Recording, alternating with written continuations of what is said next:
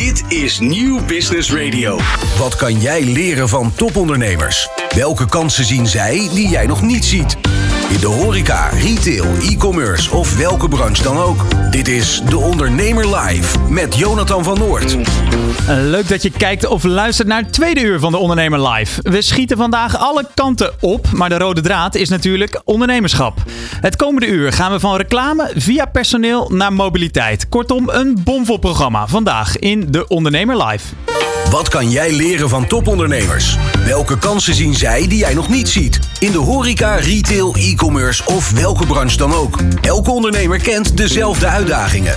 In de Ondernemer Live hoor je echte ondernemersverhalen. Elke dinsdag tussen 11 en 1 schuiven topondernemers en experts aan bij Jonathan van Noord op Nieuw Business Radio. Live meekijken kan via deondernemer.nl.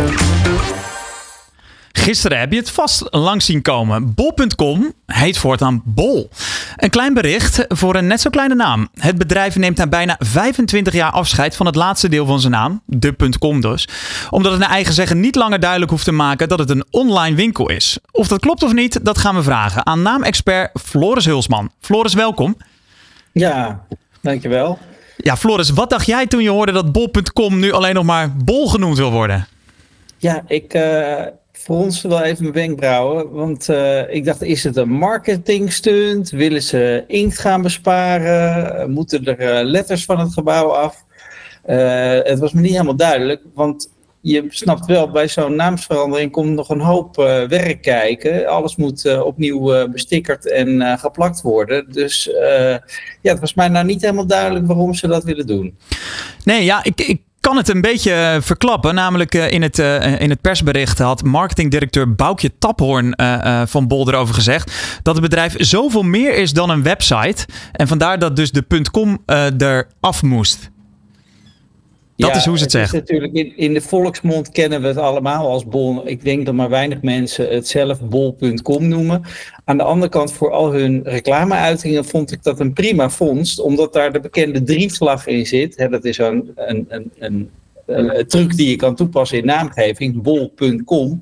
Hij, ne, kun. Er zijn wel meer merken die je makkelijk in drieën kan delen. En alle drieën, al het goede komt in drieën natuurlijk. Uh, dus dat, uh, dat werkt gewoon goed. En straks is het dus alleen maar bol of bol, bol, bol. Of bol met een nieuwe tagline dat is wel even zoeken. Want ik denk dat alleen maar bol roepen uh, te weinig is. te weinig vlees aan de botten heeft, laat ik het zo zeggen. Ja, dat kan ik me eigenlijk wel voorstellen. Want ik vind juist dat het met bol.com, dat het juist duidelijk is dat het om de webshop gaat. En niet zomaar om ja, een, een bedrijf of een bol. Of... Snap je een beetje waar ik heen wil? Ja, ik, ik denk dat de, voor mij is .com klinkt gewoon als het is digitaal en het is online. En uh, je kan er als tegenwerping hebben van ja, .com klinkt misschien heel internationaal of misschien zelfs Amerikaans. En we zijn een Nederlands slash Belgische webshop.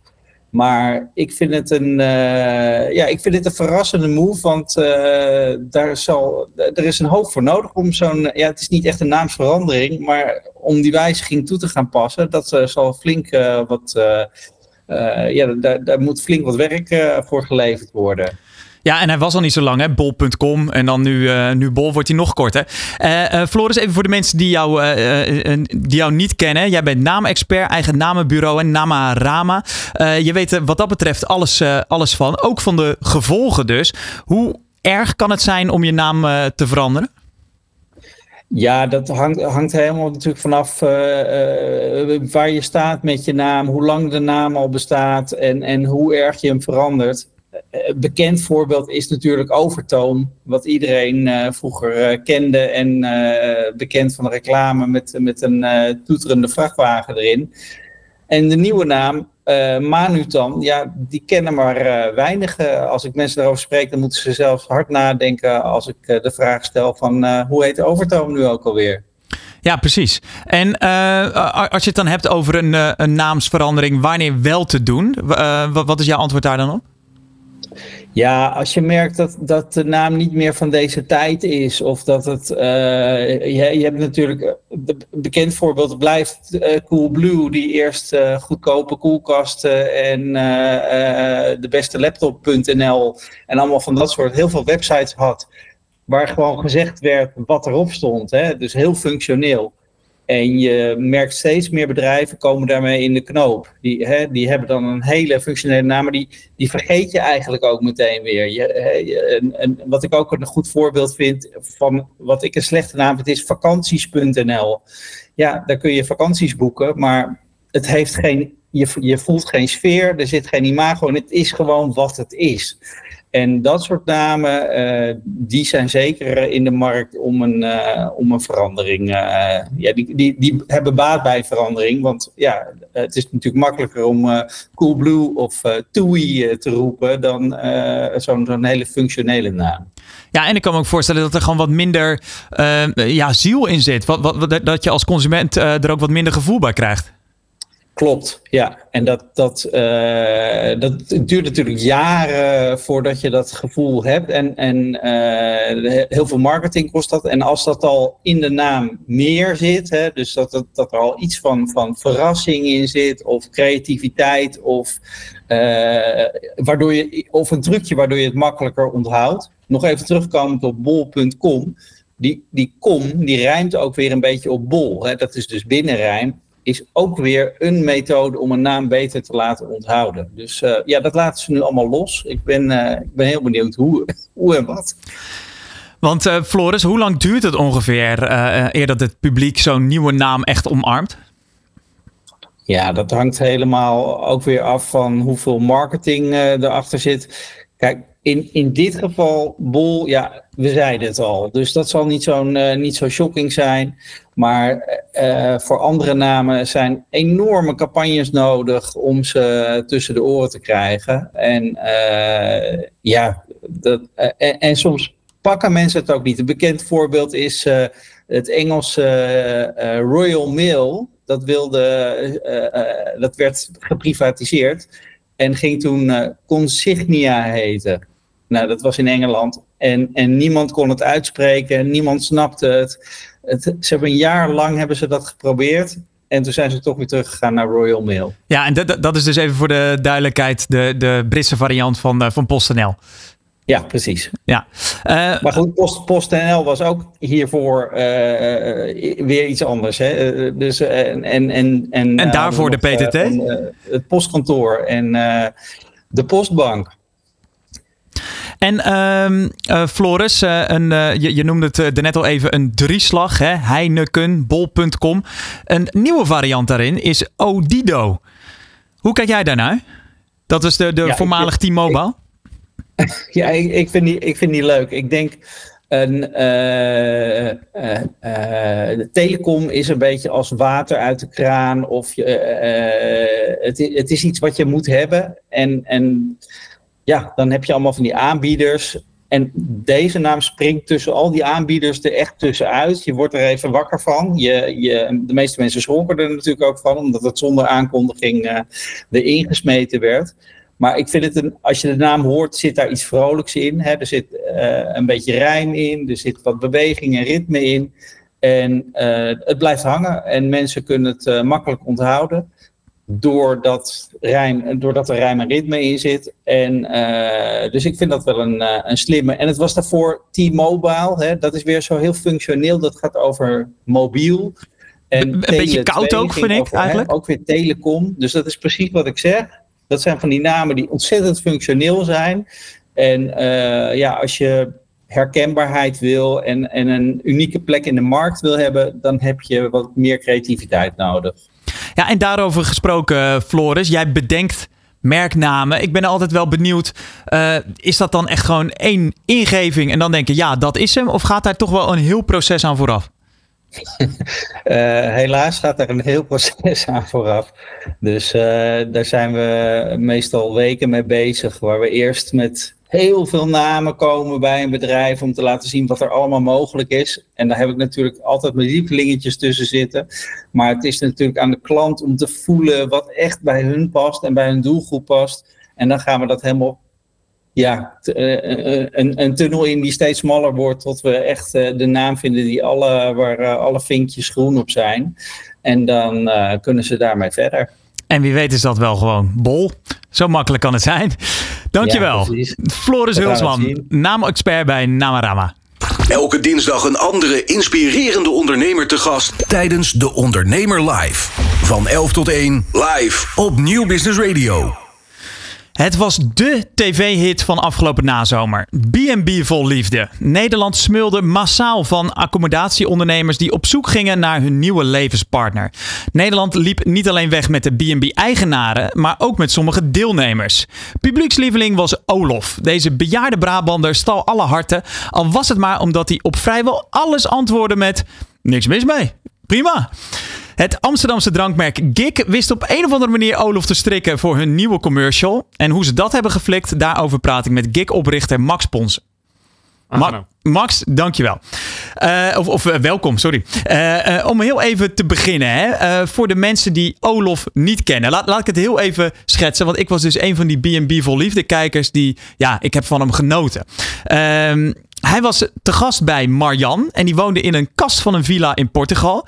Maar omdat er op een gegeven moment zoveel mannen, zoveel dates tegelijk kwamen, had ze kamers tekort in dat paleis. En in plaats van samen op een kamer te gaan, hè, die heren onderling, die dates, besloot Olof, nou ja, dan ga ik maar in de machinekamer van het zwembad liggen. En naast een ratelende pomp zei hij dan slechts, ah joh, ja, niks mis mee. Um, dat was dus het moment dat heel Nederland zijn hart verloor aan Olof. En ik vermoed ook bij jou. Ja, ja klopt. Ik uh, moet uh, bekennen, ik heb het ook religieus gekeken. Uh, samen met mijn vriendin op de bank elke avond. En ja, Olaf was natuurlijk gewoon de, ja, eigenlijk wel de allerleukste. Um, en ja, het toeval wilde dat we eigenlijk net met Gighard Seltzer, ook, ook een mooie drieslag trouwens, dat we met Gighard Seltzer een campagne hadden gestart. die ja, getiteld Grow Up, Don't Grow Old. het gaat erom dat mensen, ja, je wordt wel ouder, maar je hoeft niet oud van geest te worden. en toen kwam Olaf en we dachten, ja, deze man, hij is 75, maar ja, hij gedraagt zich nog jong. Hij is vitaal, energiek. Die gozer, die moeten we hebben voor, uh, ja, voor onze campagne. Ook een beetje de opa die iedereen die geen opa meer heeft, uh, uh, zal willen hebben. Zo, ja. zo zag ik hem ook. Ja. En toen dachten jullie van, die, die, willen we wel, die willen we wel hebben. En toen is er een, een campagne gemaakt. Laten we daar eens heel even naar, naar gaan kijken hoe dus die reclame uiteindelijk is geworden. Drie gigs.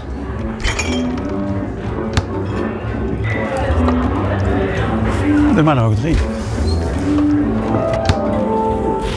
Prima, niks mis mee. En maak het niet te laat vanavond, hè, jongen. Gig Hard Seltzer. Grow up. Don't grow old. Ja, dat was hem, Olof. Uh, nog heel even uh, over gig. Wat, wat, is, uh, wat is gig precies voor de mensen die denken van hard seltzer? Geen nou, idee. Gig is een heel verfrissend drankje. Het is een soort bruiswater met 5% alcohol en een klein beetje natuurlijke fruitsmaak. En het is vooral een heel verfrissend alternatief voor bijvoorbeeld een biertje of een wijntje of dat soort dingen. het is, in Amerika is het heel groot geworden in een hele korte tijd. in 2013 op de markt gekomen of zo. En in 2018 was het al een paar miljard aan marktwaarde. En precies in die tijd woonde ik toevallig in Boston. Dus ik zag die hele groei. Toen uh, ik weer terug was naar Nederland, toen hebben mijn broer en ik tegen elkaar gezegd: joh, hoezo zou daar wel werken en hier niet? dus ja, we het gewoon zelf op gaan zetten. En toen zijn dus deze guitige uh, blikjes in het, uh, in het leven uh, geroepen. Met eigenlijk ja, een soort bruisend bronwater met een, met, met een fruitsmaakje en een tikkie, tikkie alcohol erin. Ehm, je zei net al even, hè, Olof paste precies binnen die, die campagne. Sympathieke vent, wel iets ouder. Dus hè, don't, grow, don't grow old, don't grow Olof. Of nee, juist wel Olof. Um, maar ja, dan, ga, dan gaat het eerste contact uh, gaat het opspelen. Of de eerste dat, dat, dat idee. Ja. Hoe gaat dan het van een idee naar daadwerkelijk Olof in de reclame? Neem, nou, eens, neem eens mee naar dat... Uh... Kijk, het, het, idee was er eigenlijk al. Het, het idee was, we, de, de doelgroep van, van Kik was natuurlijk het eerste jaar. Zoals met elk nieuw product. Echt vooral jongere mensen. Die zijn altijd het eerste om iets uh, nieuw te ontarmen, om, omarmen.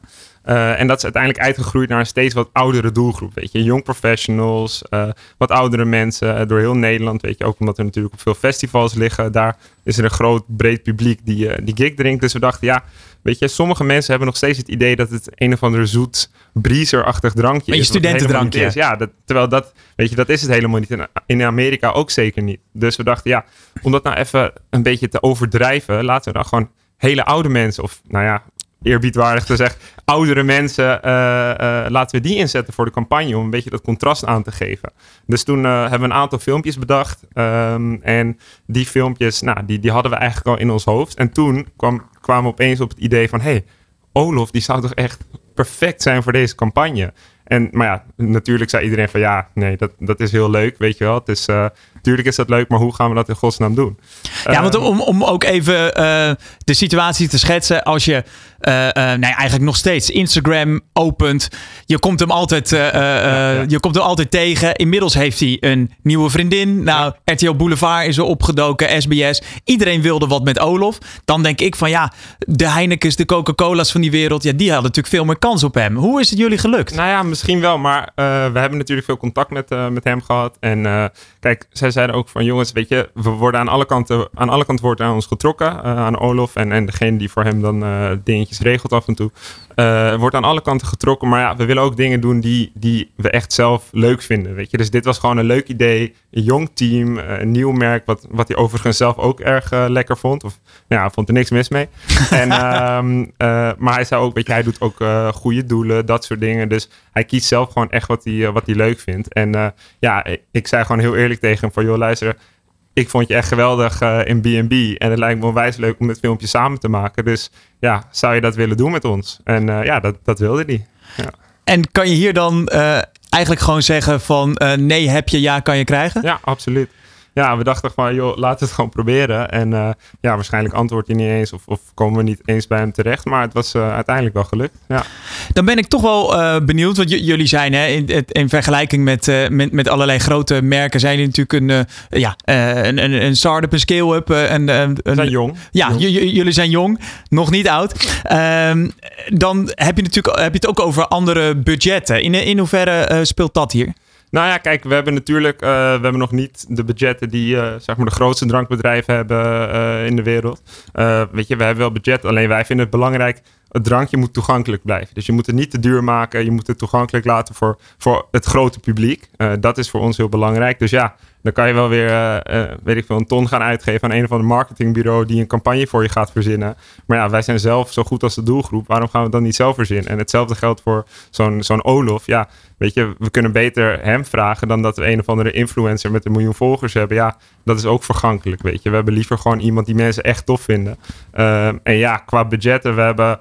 Uh, ja, we hebben wat, wat met elkaar afgesproken, maar wij zeiden ook van ja, sorry, we zijn geen groot drankbedrijf uh, zoals een, misschien een Heineken, daar zijn we nog niet, maar wel onderweg. Um, maar we kunnen wel dit aanbieden en we hebben een hele grote gigboot in Amsterdam. We zeiden, joh, als we dit doen, laten we dan in het voorjaar, als het lekker weer is, weet je, neem je hele familie mee of de hele B&B-familie, wat je wil. Dan doen we daar gewoon een volledig verzorgde gigtocht voor jullie. En misschien kunnen we het dan op die manier oplossen. En ja, hij, uh, hij was daar wel uh, ja, voor te borren. En voor je het weet heb je Olof dus uh, gewoon ja. in, je, in, je, in je reclame. Um, ik vind het wel interessant dat jullie voor, voor deze vorm gekozen hebben. Want het is bijna een soort traditionele reclamevorm. Ja, ja, ja. ja. Nee, dat klopt. Het, het was, ja, weet je, het ging ons er vooral omdat het gewoon, weet je, het gaat gewoon simpel om de boodschap. Uh, weet je, grow up, don't grow old. Je wil gewoon iemand als Olaf erin hebben. Uh, we wilden ook niet een heel ingewikkeld script. Dat hij ook de hele dag bezig was met allemaal dingen acteren en dat soort dingen. Uh, dus nee, we hebben het gewoon redelijk straightforward gemaakt. Uh, maar ja, daar zit denk ik wel de kracht in, weet je. Het is gewoon een leuk, leuk filmpje die gewoon goed laat zien, weet je, dat het ook voor, uh, ja, voor, voor een andere doelgroep is. En we denken dat de doelgroep van gig, weet je, dus tussen de nou ja, 20, 25 en 40, 45. Dat die ook heel veel bijvoorbeeld B&B heeft gekeken. Uh, dus ja, we zagen daar gewoon heel veel overeenkomsten in. Dus uh, hebben we dat zo gedaan. Als er nu ondernemers zijn die denken van ja, dat lijkt me toch eigenlijk ook wel leuk. Over welke bedragen heb je het dan uh, ja, ongeveer? Durf ik niet te zeggen. Dat, ik weet niet of ik dat kan zeggen tegenover ook Olaf natuurlijk. Want ik moet wel zeggen, ik denk dat, dat hij... Uh, tegen ons ook misschien wel wat, ja, wat... Uh, een sympathiekere ja, prijs heeft. Ja, iets, ja, wellicht wel, weet je wel. Want wij hebben het gewoon echt ingestoken als joh, we, we zorgen dat het gewoon ook niet te veel van je, van je tijd uh, in beslag neemt. We zorgen dat het gewoon een leuke dag is. We zorgen voor een hele mooie tocht op onze, op onze boot. Dus ja, zo hebben we het een beetje met elkaar afgestemd. En ik denk dat dat misschien ook wel een beetje onze kracht is. Uh, ook met andere zaken, weet je. Ja, we zijn misschien niet de aller... Uh, we, we, bestaan nog niet 50 jaar. We hebben nog geen Heineken budget bij wijze van spreken. Maar uh, weet je, wij kunnen wel op een andere manier dingen toevoegen aan mensen, bedrijven, poppodia, dat soort dingen. En dat vinden mensen meestal heel erg prettig aan onze samenwerkingen. En waar is de, de reclame te zien? ja, voorlopig Instagram, socials, YouTube, dat soort dingen. Um, maar ja, dat is, dat is voor onze doelgroep, wat ik zeg, hè, 2025 tot 40, 45, uh, is dat denk ik nog wel een heel uh, goed medium. En dan is het eigenlijk gewoon dat jullie hem delen en dan wordt hij gewoon de hele tijd opgepakt. Ja, ja, we hebben echt, uh, ik denk wel echt miljoenen, uh, volgens mij staat iets van 5, 6 miljoen views op alle verschillende kanalen en, uh, en Instagram pagina's en dat soort dingen. Is dat dan dus, boven verwachtingen? ja, ja, ja, we, hebben, we hebben twee filmpjes uitgebracht op dit moment in die campagne. Het andere filmpjes was met twee oudere dames, ook nou ja, een aantal miljoen views gekregen. Dus ja, dat, het gaat wel echt beter dan verwachting. En, en mensen vinden het gewoon leuk om zoiets te zien. En merk je het ook qua, qua aandacht in de, uh, of nou, eigenlijk meer qua verkoop? Ja, nou ja, we hebben, we hebben, zeker, uh, we hebben zeker heel veel, ja, we zien een goede, goede boost natuurlijk. En ja, voor ons is het ook belangrijk, dit was ook een echt een periode waarin we dat wilden gaan doen. We hebben natuurlijk binnenkort Amsterdam Dance Event dat er aankomt. Nou ja, daar liggen we in de RAI, de Johan Cruijff Arena, Ziggo Dome, waar we nu official horeca partner van zijn, van de Ziggo Dome. Dus voordat we nou ja, dat echt grote ADE-event hadden, wilden we deze campagne lanceren en echt aandacht genereren. En ik denk dat dat gelukkig uh, goed gelukt is. Als ik nou een, beetje moet vergelijken, dan weet ik dat Bavaria heeft geloof ik jarenlang uh, altijd met, uh, ja dat waren echt grote Amerikaanse sterren ook, ook, ook gewerkt. Morgan Freeman geloof ik zat erin, Mickey Rourke, die, die bokser, die wrestler. Um, is dat nog een ambitie voor jullie om na Olof echt uh, nou ja, die, die tour op te gaan? kan je eigenlijk niet krijgen. Uh, maar nee, kijk, wat, wat wij vinden is... Uh, wat ik net al zei, hè, we, wij willen niet al onze marketingbudgetten uitgeven aan iemand die, die erg bekend is, waarvan mensen zeggen: Oh, dat is leuk. En dan gaan ze weer verder met een dag. Uh, wij willen het liever besteden aan nou ja, deels gewoon onze prijs echt goed betaalbaar te houden. Uh, en deels gewoon echt leuke dingen doen voor onze consumenten. Weet je, gewoon op festivals mooie activaties neerzetten. Of leuke dingetjes doen met limited editions of dat soort dingen. Weet je, we hebben liever dat we onze budgetten aan de consument geven als het ware dan aan een influencer. En waarmee je dan eventjes uh, een van de duizend stories op hun timeline bent. Ja, ja, ja. ja. Um, welke tips heb jij nou als je ondernemers die nu uh, luisteren en kijken en die denken van ja, dit, dit vind ik wel heel tof. Hè? Dit, dit zijn wel gasten met ballen. Uh, dit, dit, kan ik zelf ook wel met mijn, uh, met mijn merk. Welke tips geef je ze mee dan? En je bedoelt tips qua een filmpje ontwikkelen? Ja, zo'n gewoon van ja, het bijna ontstaan op een, op een bierveeltje nou, naar da ja, daadwerkelijk 6 miljoen views. Wat, wat wij eigenlijk al vanaf het begin zeiden, we hebben met best wel een aantal grotere marketingbureaus gewerkt en telkens waren we een beetje teleurgesteld. Maar dat is ook, weet je, waarom zou iemand van, nou ja, en dat bedoel ik niet oneerbiedig, hè, maar waarom zou iemand van 50, 60 jaar oud beter weten wat onze doelgroep wil dan een heel team wat in de doelgroep zit? Weet je, we hebben gewoon, weet je, niet een heel jong team, weet je, maar wel gewoon rond de 30, 35, dat is vrij jong. Uh, en wij weten gewoon goed wat, wat daarop aanslaat. Dus wij doen gewoon, weet je, alle campagnes die we echt zelf hebben bedacht, die zijn echt goed gegaan. Dus ja, dat, dat zegt wel wat, denk ik. En dan ja, het uitvoeren ervan wat ik zeg, ja, we hadden ook een enorme studio kunnen, uh, kunnen huren hier ergens op een mediapark en, en daar iets doen. Maar wij hebben gewoon gekozen voor uh, ja, een, uh, een café dat goed paste bij, bij de sfeer. Een van, van onze klanten, Café de Snor in Tilburg. En ja, daar hebben we dat opgenomen. En ja, dat, dat is ook weer, heeft ook weer zijn charme, weet je. Dus we denken, ja, waarom nou heel veel geld verspillen, om het zo te zeggen, aan dingen die mensen eigenlijk toch niet super belangrijk vinden? En als we nou even uh, in die glazen bol kijken, uh, waar zitten jouw wensen nog? Nou, kijk, we hebben natuurlijk uh, vanaf dag 1 heeft bijvoorbeeld Dirk, DK, Dirk 3, die hebben ons opgenomen in het retail assortiment. Dus daar hebben we goede distributie gehad en die hebben echt, nou ja, die zijn er zelf ook heel tevreden mee. Wij natuurlijk ook. Um, maar nu, weet je, we hebben nu distributie in de horeca, op festivals, uh, poppodia. Nou, wat ik zeg, horeca-partner van de Ziggo Dome. Dus we zitten door heel Nederland, van Groningen tot Maastricht, Achterhoek tot, tot de strandtenten. Uh, maar nu is de tijd ook wel echt meer dan rijp om ook in alle steden uh, supermarktdistributie te hebben. Dus daar zijn we natuurlijk druk mee bezig. En ik denk, ja, zodra, dat, zodra gig art seltzer toegankelijker is voor heel Nederland. Ja, dat, dat zet nog weer een, uh, een stap komend jaar. Maar welke uh, ja, reclamepersoon heb je daarvoor nodig om, om straks in die supermarkt te komen? Nou, welke dromen heb je op dat gebied? Ik, ik, denk, ik denk dat daar juist de kracht ligt. We moeten gewoon snel, snel kunnen schakelen. Weet je, Olof die nou, B&B vol liefde was gaande. En toen dachten wij pas, hey, hem moeten we hebben voor, voor onze reclame. Dus ik denk dat we gewoon onze ogen en oren open moeten houden. En kijken van, hey, wie past er nu goed binnen onze, onze huidige campagne? En, uh, en daarvoor ja, dan kijken wat we, wat we kunnen doen om het uh, voor ons allebei uh, top te maken. We hadden het net al ook even over een ander filmpje wat jullie hebben gemaakt. Dat is eigenlijk een beetje een parodie op een Douwe Egberts reclame van een aantal jaar geleden. ik vroeg me eigenlijk daar nog bij af. In hoeverre krijg je daar ja, last van tussen aanhalingstekens? Nou, ik, ik moet zeggen, ik zou het eerder een soort hommage noemen. niet, een, niet een parodie. want nou, er zijn natuurlijk wel heel veel dingen die heel erg lijken op, op die reclame van 20, 25 jaar geleden. En ik moet ook zeggen, toen we die, die gingen maken, waren echt het idee van, joh, we willen dit verfrissen, weet je. Het is een verfrissend drankje, verfrissend merk. We willen die klassieker, want dat, wij beschouwen het allemaal echt als een klassieker. Uh, ja, ja, want voor de duidelijkheid, het gaat over twee oma's die, die straattaal praten. Ja, ja, ja. En, en vroeger was het echt uh, straattaal, toen het een beetje ja, opkwam. En nu is het echt een soort, ja, hoe moet ik het omschrijven? Een beetje juppen in de Amsterdamse pijptaal. Uh, weet je, dat is echt ja, woorden die, waarvan je denkt, wat, wat zeg ze nou? Maar ja, dus dat, dat hebben we in dat filmpje verwerkt.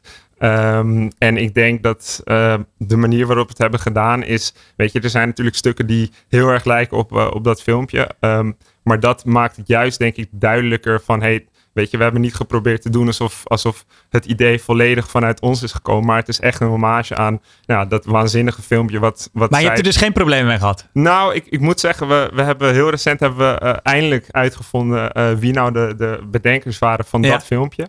Uh, die, die heb ik uh, toevallig een paar dagen terug even aan de telefoon gehad. En uh, we weten nu inmiddels ook waar een kantoor zit. Dus, dus we zullen binnenkort even langs gaan met een ja, hele hoop dik. En even gewoon goed, goed praten. Want ik denk dat het gewoon belangrijk is om, dat we even hebben gebeld. En dat er geen kwaad in de zin was. En, en ja, dat het echt gewoon voor ons heel veel respect naar hun was. Van joh, jullie hebben iets waanzinnig tofs gedaan. En ik moet ook zeggen, dat filmpje is uiteindelijk ook weer een aantal miljoen keer bekeken in de afgelopen weken doordat ons filmpje weer uh, ja, het soort van nieuw leven heeft ingeblazen. Dus ik denk dat het een win-win is voor iedereen. Kijk, zo, uh, zo zien we het dan maar. Ben je nou benieuwd naar uh, de commercials die, die Gighard Salsa heeft gemaakt? Kijk dan even op de socials. Dankjewel, Max Ponsen. Je luistert naar De Ondernemer Live. Elke dinsdag live van 11 tot 1 met Jonathan van Noord op Nieuw Business Radio. We merken het allemaal. Het personeelstekort in Nederland is groot. Geschikte professionals lijken vrijwel onvindbaar. Of het nu gaat om de retail, horeca of zelfs in zorgbedrijven. Maar is dat nou echt zo? Het SBB, dat staat voor, het samen, voor de samenwerkingsorganisatie Beroepsonderwijs Bedrijfsleven. Die helpt bij het bij- en omscholen van volwassenen. En dat doen ze via het MBO. Zo hoef je als ondernemer niet op zoek naar nieuw personeel, maar put je uit bestaande, oftewel omgeschoolde werknemers. Hoe dat in zijn werk gaat, daar praten we vandaag over met Martijn van Blitterswijk van SBB. En met Ellen van Vliet van zorgorganisatie Serenlo. Zij maakt namelijk met succes gebruik van die omgeschoolde werknemers. Martijn en Ellen, welkom. Dankjewel. Goedemiddag. Goeiedag. Ja, uh, uh, Martijn, om bij jou uh, te beginnen. Wat, wat doet het SBB precies? Nou, je zei het zelf al. SBB is een samenwerkingsorganisatie van beroepsonderwijs en bedrijfsleven. Maar ik denk dat de ondernemers ons beter kennen van de erkenning van leerbedrijven. Als je een MBO-stagiair wil opleiden, dan moet je daarvoor een erkenning hebben. Dat betekent dat je een goede werkproces hebt voor een student. Dat je iemand goed kan begeleiden en dat je een veilige leeromgeving biedt. En dan mag je zo'n mooie sticker eh, op de deur, hè? Daar Precies, ken ik ervan. Die stickers die je ziet bij de restaurants, bij de supermarkt, uh, overal. Uh, en dan moet je dus erkend leerbedrijf zijn. En wij verstrekken die erkenning. En we helpen de bedrijven ook bij hoe doe je dat nou? Dat opleiden op de werkvloer en het begeleiden van een student. En dat kan een jongere zijn, maar dat is ook steeds vaker gewoon een volwassene die uh, bijvoorbeeld met een stukje omscholing in een hele andere branche aan de slag wil. Um, en uh, Martijn, om, om het gelijk ook maar even uh, zo te zeggen, waarom is dat omscholen zo interessant voor het bedrijfsleven? Nou, je ziet het om je heen, je hoort het al. er is een enorm tekort aan vakmensen. En die vakmensen die zijn gewoon niet meer te vinden. En de kant-en-klare vakman vind je niet, dus die moet je zelf op gaan leiden. Um, en we weten dat er met de vergrijzing echt nog steeds meer mensen nodig zullen zijn.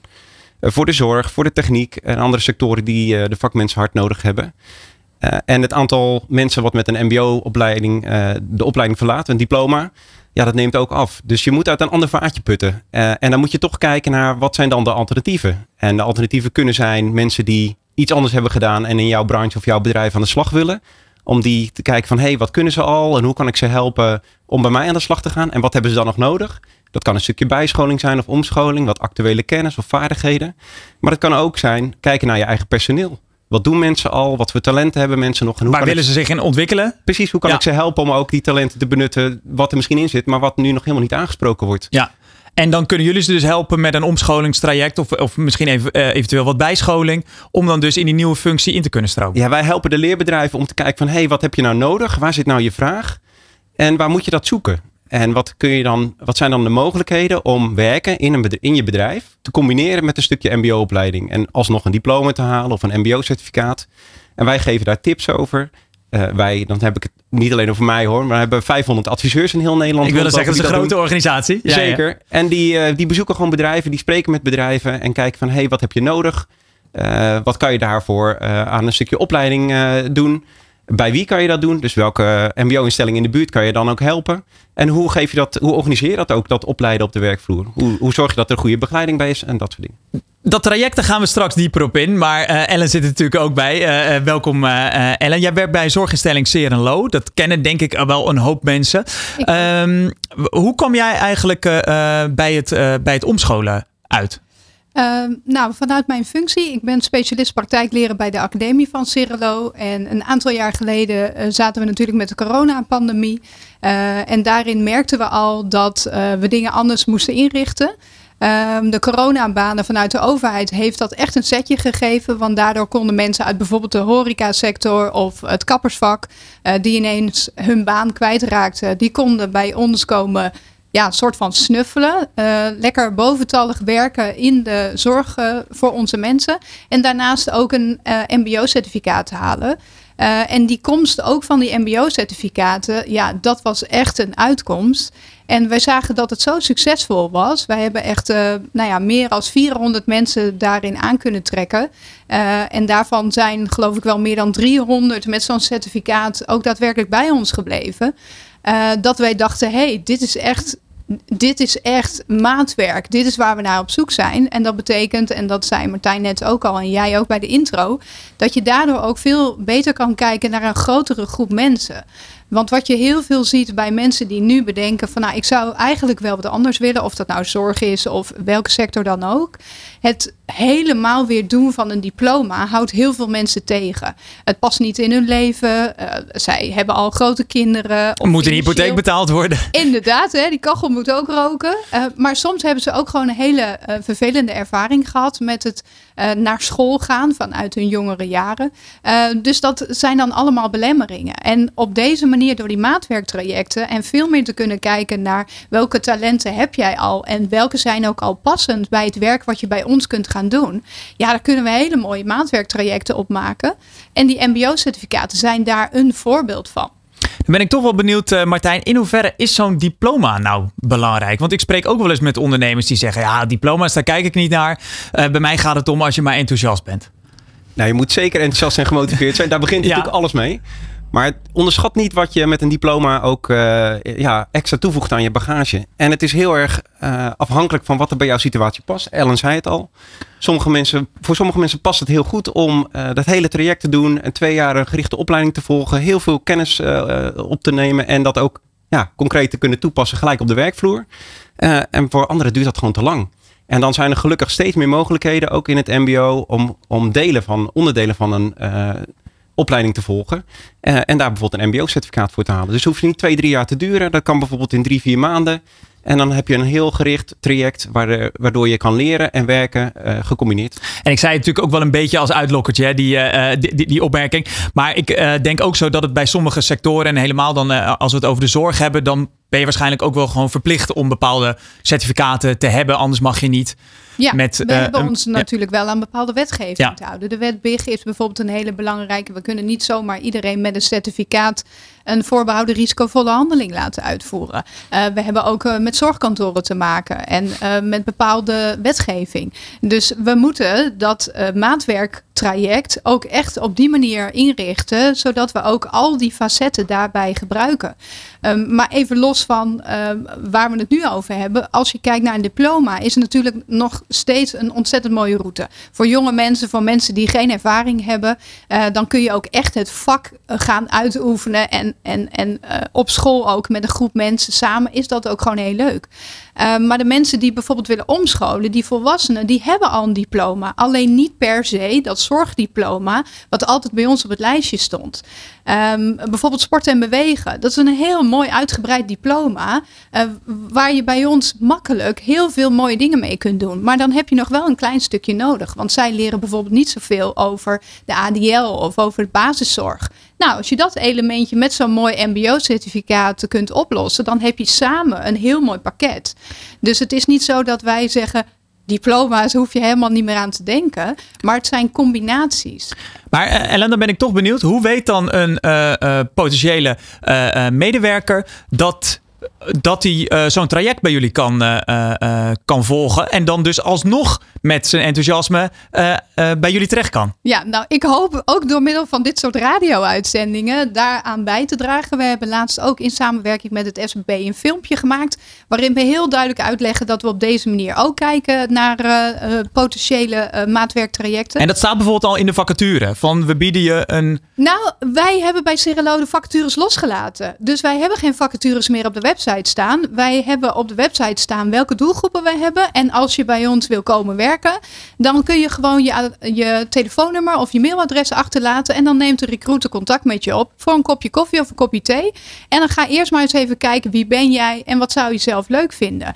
En later hebben we het nog wel over welk maatwerktraject zou daar dan passend voor zijn. Martijn, dan toch even, um, want CRLO, dat weet ik, dat is een hele grote uh, organisatie. De luisteren en kijken nu ook MKB-ondernemers met misschien 10, 20 uh, werknemers, of misschien wel minder zelfs. Uh, in hoeverre is het voor hen ook interessant? Voor hen is het zeker interessant. Ehm, je kunt ook als MKB'er bijvoorbeeld gewoon heel gericht aangeven dat je een baan, een leerbaan hebt. Waar je dus al laat zien, hey, je kan bij mij komen werken en daar kan je ook een opleiding bij volgen. Dus je kan je daarbij ook ontwikkelen of doorgroeien in, in de functie die je daar bij ons gaat, uh, gaat doen. Ja, en in deze tijd van krapte zie je dat dat toch ook een lokketje kan zijn om mensen binnen te krijgen in jouw organisatie. Uh, ja, plus we weten mensen die de kans krijgen om te groeien of zich te ontwikkelen, zijn vaak ook gewoon loyaler en gemotiveerder om voor jou te werken. Dus uh, het biedt ook een kans om mensen te binden en te boeien en vast te houden als je ook in die investering of in die ontwikkeling investeert. En uh, wat zijn nou jouw uh, belangrijkste tips eigenlijk als je nu uh, toch wel een beetje richting die ondernemer praat die, die nu met klapperende oren zit te luisteren? Nou, met name kijk ook wat iemand al kan en wat iemand al met zich meebrengt. En kijk dan wat hij nog nodig heeft om bij jou aan de slag te gaan. En als je met die bril kijkt, dan zul je zien dat er ook voor zijnstromers heel veel kansen zijn in jouw bedrijf. Uh, kijk ook wat, en wat er dan nog extra nodig is. Kan bijvoorbeeld uitscholing komen naast het werken. Uh, daarvoor kan je bijvoorbeeld contact opnemen met de adviseur van SBB.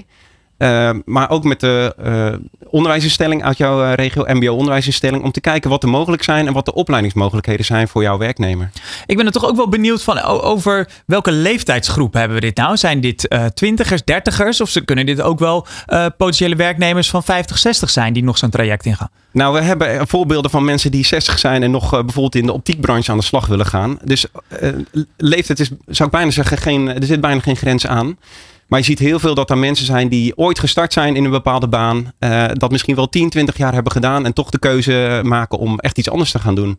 Ja, en dan is het MBO heel geschikt om met die flexibele modules uh, een overstap te maken. Waarbij je gewoon echt werken en een baan en een inkomen combineert met een stukje opleiding. Want om het toch nog even beeldend, uh, even beeldend te maken. Hoe ziet dan zo'n traject er in het kort eigenlijk uit? In, in hoeverre zit je dan op school als werknemer? En in, in hoeverre ben je gewoon echt aan het werk? Nou, je bent vooral aan het werk en op de werkvloer ben je aan het leren. En daar hoort een stukje opleiding bij. Dat kan soms uh, wat in de avonturen zijn. Of soms heb je een deel van je werkweken dat je daaraan mag besteden. Ik zou ook tegen werkgevers zeggen, ja, dat is ook aantrekkelijk. Bied daar ook de ruimte voor om bijvoorbeeld in werktijd wat opleiding uh, te volgen. Uh, en uh, zeker als je dan een MBO-certificaat wil halen, dan sluit je dat af met een soort examen. maar dat kan dus vooral in de praktijk. Le learning on the job, begeleid ook door vanuit het bedrijf. Dus en ik wil zo... daar nog even aan toevoegen, is dat het niet altijd fysiek meer op school is, maar er zijn ook heel veel ROC's die het bijvoorbeeld digitaal aanbieden. Dus op het moment dat jij zegt van joh, maar ik kan niet eh, die afstand elke week helemaal afleggen, dan kun je ook digitaal de lessen volgen en zelfs je examens op die manier vormgeven. En de opleiders denken ook echt met ons mee en hierin moeten we ook echt samen optrekken. En eh, eh, Ellen, als jij nu kijkt van wat heeft eh, de, deze samenwerking met het SBB jullie nou echt concreet opgeleverd? Nou, het SBB heeft natuurlijk heel veel gedaan in het ontwikkelen van die MBO-certificaten. En dat heeft voor ons concreet opgeleverd dat wij zulke mooie maatwerktrajecten onder andere kunnen aanbieden. Maar ook deze samenwerking. Wij zitten hier nu samen met elkaar bij jullie in deze mooie radiostudio om dit daadwerkelijk ook te vertellen. En niet om te zeggen, kijk ons eens, maar vooral van, hé, hey, dit kunnen wij met elkaar. En daardoor kunnen we met elkaar die arbeidsmarkt, die nu best wel ingewikkeld is, echt een stukje mooier maken. En mensen echt opleiden voor het werk wat ze gaan doen. En ook echt, nou ja, daar krijg je gelukkige medewerkers van. In elke leeftijdscategorie. Want we hebben ook heel veel mensen die zijn in de 60 en die maken nog een switch. Nou, als ze dan nog een certificaat van drie maanden moeten halen, dat is al een heel ander vooruitzicht dan dat je nog drie jaar naar school moet en daarna met pensioen gaat. Dus het biedt zoveel mogelijkheden. En uh, ja, de samenwerking met de SBB is daarin heel belangrijk. Ook om die kwaliteit te blijven waarborgen. Ja, want die sticker zit natuurlijk uh, zit niet voor niets uh, op de deur. Martijn, uh, tot slot, als ondernemers interesse hebben, die, die, die, denken dus, kijk, dit kan voor mij het personeelstekort wel eens doen, doen oplossen. Waar kunnen ze zich dan informeren en melden?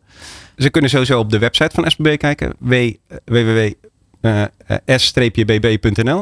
schuine streep omscholen. Dan ben je helemaal op het juiste adres. Maar je kan ook met je eigen SBB-adviseur contact opnemen. En die kan je zeker verder helpen met wat heb je nodig. Uh, wat is er ook in de regio te doen? Bij welke onderwijsinstelling uh, kun je ook mee samenwerken om iets aan opleiden te doen?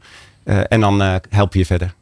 Dankjewel. Uh, en uh, dank voor jullie komst ook naar, uh, naar de studio. Ellen van Vliet en Martijn van Blitterswijk. Leren van topondernemers. Kansen zien waar anderen overheen kijken. Dit is De Ondernemer Live. En dan gaan we nu door naar een Nederlands succesverhaal in de internationale autowereld. Onze landgenoot Frank van Meel staat sinds enige tijd aan het hoofd van de M-divisie van automaker BMW. En onder zijn leiding groeit BMW als nooit tevoren. Hoe Van Meel dat voor elkaar krijgt, dat bespreekt onze mobiliteitsslaggever Roland Tameling met hem op locatie in Portugal. Ja, onze landgenoot Frank van Meel zit letterlijk en figuurlijk achter het stuur van in dit geval de BMW i7 M70, de meest luxueuze en sportieve versie van het topmodel van BMW. Frank, dank voor je tijd ten eerste. CEO van BMW M GmbH. Ja. Dat is nogal een titel. Dat is een mooie plek om te zitten, kan ik me voorstellen. En niet zonder succes, hè? Want de cijfers van de M-divisie van BMW gaan door het dak. Hoe doe je dat? Uh, door meer producten. Uh, die erg emotioneel zijn. Ja. En die natuurlijk voor motorsport uh, staan. Dus wat dat betreft hebben we gewoon een fan community die steeds groter wordt. Omdat iedereen zegt, hé, hey, dat zijn echt leuke auto's. Daar rij ik graag in. Uh, die zijn erg sportief. Mm -hmm. En die geven me ook zo'n emotionele kick. Dus het is niet gewoon een auto. Het is wel iets bijzonders. Ik vind ook dat het, een auto is voor mij bijna zoiets als een mens. Die ja. moet een karakter hebben. En dat moet je ook, ook voelen. Dus je wil gewoon het gevoel hebben dat is iets bijzonders. Het is het recept achter M en dat is sinds 50 jaar hetzelfde. Mhm. Uh, het enige verschil is dat we natuurlijk steeds meer modellen hebben. Uh, zowel zowel uh, high performance auto's als M3, M4, M5, Ja. X3M, X5M enzovoort. Maar ook M performance auto's zoals die i7 M70 waar we nou in zitten. Mhm. Waar we een beetje minder extreem zijn dan met de echte high performance uh, variaties. Omdat deze auto's zijn voor mensen die zeggen ik wil meer performance. Ik wil ook een sportieve rijgedrag. Ja. Maar alsjeblieft niet zo hard als voor een racecircuit. Uh, een beetje meer in de middel. En uh, daarvan hebben we heel veel modellen onderhand. Ja. en daardoor is ook gewoon het aantal M's en het aantal M-fans duidelijk gestegen. En dit jaar plannen we meer dan 200.000 uh, M's ja, want dat, uh, te dat, verkopen. Uh, was precies het punt waar ik even naartoe wilde. Want die cijfers, hè, je hebt vanmorgen een, een, een, presentatie gegeven waarin je die cijfers deelde. Kun je even aangeven waar je vandaan komt bij M in aantallen en, en, inderdaad waar jullie dan naartoe groeien? Tien jaar geleden, toen ik bij M begon, eh, was het zo dat M 44.000 auto's verkocht. Ja. Ehm, en dat waren tamelijk weinig modellen. Eh, en ook die M-performance modellen, daar was er maar één. De Mhm. M235i, dat was de enige. Ehm, en er was heel veel navraag, omdat een heleboel mensen zeiden... ja, waarom moet ik, kan ik alleen die auto's hebben? Ik, Ja. ik zou graag ook gewoon een, een, een M340i bijvoorbeeld willen hebben... in plaats van een M3. Ja. Uh, want uh, ik wil wel meer performance, maar niet zoveel uh, dat, dat het gewoon te hard wordt. Dus het was een, een duidelijke vraag vanuit was- de klanten waar jullie op Precies. hebben ingespeeld. Dus Ja. daarmee zijn we toen begonnen. We hebben toen eh, die M-Performance auto's gewoon eh, eh, in serieproductie gebracht. Ja. En eh, die hebben onderhand twee derde deel van ons volume is eh, M-Performance.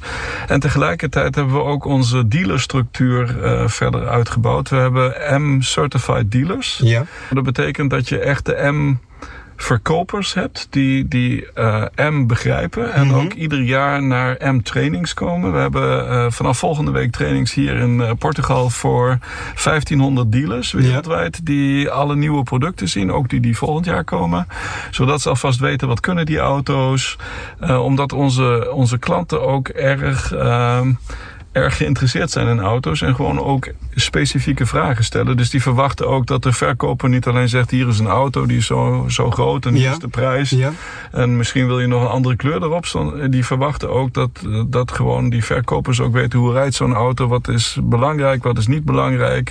Welke opties heb je. Mhm. Eh, dus dat is ook zoiets wat we, eh, waar we tien jaar geleden eh, sterker op in zijn gegaan. En onderhand hebben we dus eh, bijna 1500 M-certified dealers eh, wereldwijd. Eh, Dus een breder aanbod, inspelen op de klantwensen Precies. en meer kennis vanuit de organisatie. Dat zijn drie ingrediënten waarmee je die, die basis breder hebt gelegd. Plus meer communicatie, want in Ja. het verleden was het ook zo eh, dat iedereen zei, nou ja, eh, de fans weten dat die auto's goed zijn. Eh, waar je dan ook zegt, nou ja, het is een beetje jammer als alleen de fans weten dat er goede auto's zijn Ja. eh, en de andere mensen het gewoon niet, eh, niet weten. Mhm. Dan moet je er gewoon meer over praten, zodat iedereen weet eh, dat die auto's er zijn en wat ze kunnen. Dus ook dat, eh, de communicatie hebben we eh, duidelijk sterker gemaakt. Daarom Mhm. hebben we ook hier in Portugal nou de tweede dag van deze persconferentie voor de nieuwe 5-serie is een M-dag. Ja. Waar we niet alleen de i5 M60 tonen, maar ook de i7 M70. Maar ook het verhaal M, waar gaan we naartoe, waar komen we vandaan en wat komen er nog allemaal aan nieuwe producten om gewoon een beetje meer ook de wereld te laten weten wat we doen. Mhm. Ehm, en onze community ehm, eh, groeit gewoon van jaar tot jaar. We Ja. krijgen steeds meer M-fans. Ehm, Want om dat even af te ronden, je begon eh, tien jaar geleden, zei je, rond de 40.000 eh, auto's hè, op jaarbasis die je dan afzet. En jullie groeien nu toe naar die 200.000. dit jaar gaan we meer dan 200.000 auto's Ja. verkopen. Is er dan geen einde in de rek van wat een M kan zijn? Want dat, dat is wat, wat criticasters zeggen. Hè? Dat voorheen was M echt diehard sportief. Dat is nu een beetje, laten we zeggen, water bij de, bij de limonade gedaan. Het is inderdaad, die M-performance modellen zijn minder hardcore. Maar eh, eh, je zou dan kunnen zeggen dat het ook minder eh, specifiek en minder karaktervol is. Nou, die M high performance auto's, dus M3, M5 eh, en, en alle die, die, rein, die, die puur M zijn, Ja. die zijn nog steeds hardcore. Dus daar is niks aan veranderd. Het zijn meer modellen geworden. Vroeger hadden we geen X3M, geen, geen XM, ook geen M2. Mhm. Dus daar hebben we een paar meer hardcore modellen dan vroeger.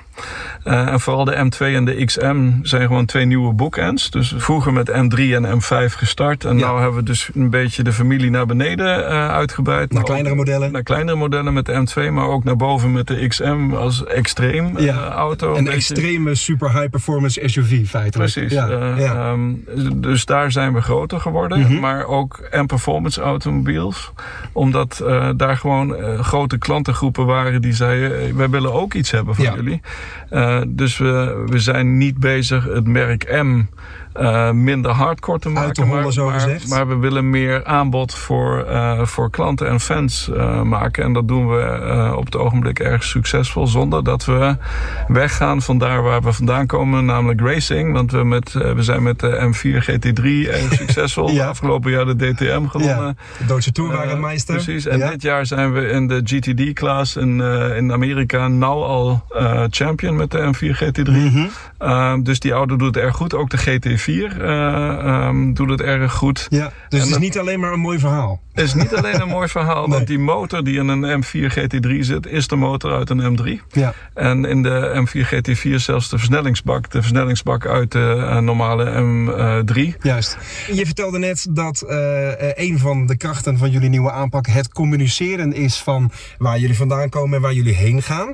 Um, nou gebeurt er natuurlijk heel veel in Autoland, veel elektrificatie. Daar zijn we hier vandaag ook voor in Portugal. Hè? Twee volledig elektrische modellen met een M op hun koetswerk. Waar gaat het heen van, vanuit M in de toekomst? Uh, nou, de toekomst wordt elektrisch. Um, omdat gewoon niet alleen bij M, maar ook in, in, bij, bij alle um, automobielen uh, wordt het gewoon elektrisch. Ja. Um, sommigen denken dat, dat het erg snel gaat, anderen denken dat het erg langzaam gaat. Uh, belangrijk voor ons is dat we een goed aanbod hebben voor onze klanten. en dat we ook niet van één dag op de andere zeggen... tot morgen rij je uh, met een gewone uh, motor en vanaf mm -hmm. overmorgen dan elektrisch. Dus je moet het niet dwingen? Je moet het niet dwingen, uh, maar aan de andere kant zijn we natuurlijk toch bezig met steeds meer elektrische auto's... omdat de trend daar naartoe gaat. En bij de M-Performance auto's zijn we dus nou met deze auto bij nummer 4 als mm -hmm. performance. We hadden de i4 M50. Dat is, uh, by the way, de meest verkochte M per jaar. Uh, 10% van ons uh, volume wat we per jaar verkopen is de i4 M50. Ja. Dus je kunt al zien dat bij M Performance steeds meer elektrische auto's komen. En natuurlijk is de, de volgende stap nou bij zowel, zowel bij racing als ook bij high performance ook uh, elektrische auto's te maken. Maar dan heb je het wel over een compleet ander concept wat elektrificatie aangaat. Maar er zal een kleiner gedeelte zijn van uh, jullie klantengroep die zegt ik wil een elektrische M? Of zie je juist ook daar een verandering in wat de klant wil? Spannend is, we al sinds een jaar of acht uh, interviewen we onze klanten altijd. We hebben ook vaak klanten um, driving experiences. Ja?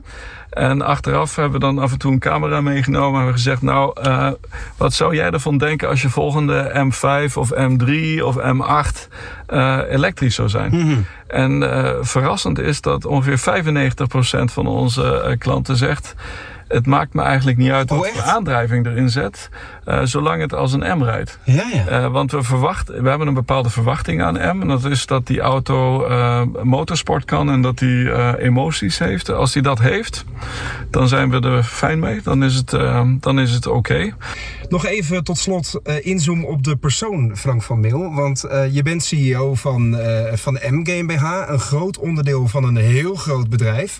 Maar feitelijk ben je wel als ondernemer aan de slag hè, binnen zo'n grote corporate. Hoe kun je dan jouw vinger op het functioneren van de organisatie leggen? Wat is de factor van mail? We zitten in Garching bij München. Ja. Dat is 12 kilometer weg, maar dat helpt in ieder geval al. Als je met je hele organisatie gewoon buiten de grote organisatie Wat is daar het voordeel van dan? Uh, de, je hebt gewoon veel meer zelfstandigheid. En er komt niet iedere dag 100 mensen kijken. Het is een beetje lastig altijd, want je hebt die mooie auto's en Ja. die raceauto's natuurlijk in de werkplaats staan. Uh, dus wat dat betreft heb je meer uh, autarkie. gewoon door een beetje afstand. Uh, en welke rol speelt uh, Van Meel? Uh, natuurlijk is mijn rol de board van de BMW Group te vertellen wat wij van plan zijn. En natuurlijk dan niet alleen wat technologie aangaat en, en producten, maar ook wat dat dan betekent in, in sales en in revenue. Mhm. Dus ik heb de ondernemerrol. Ja. En het voordeel is natuurlijk uh, dat ik uh, in die rol kan zeggen, we zijn dit en dit van plan en daarmee gaan we dit en dat bereiken. En daarmee is het een goede deal voor hem en daarmee, daarmee ook voor de groep. Ja.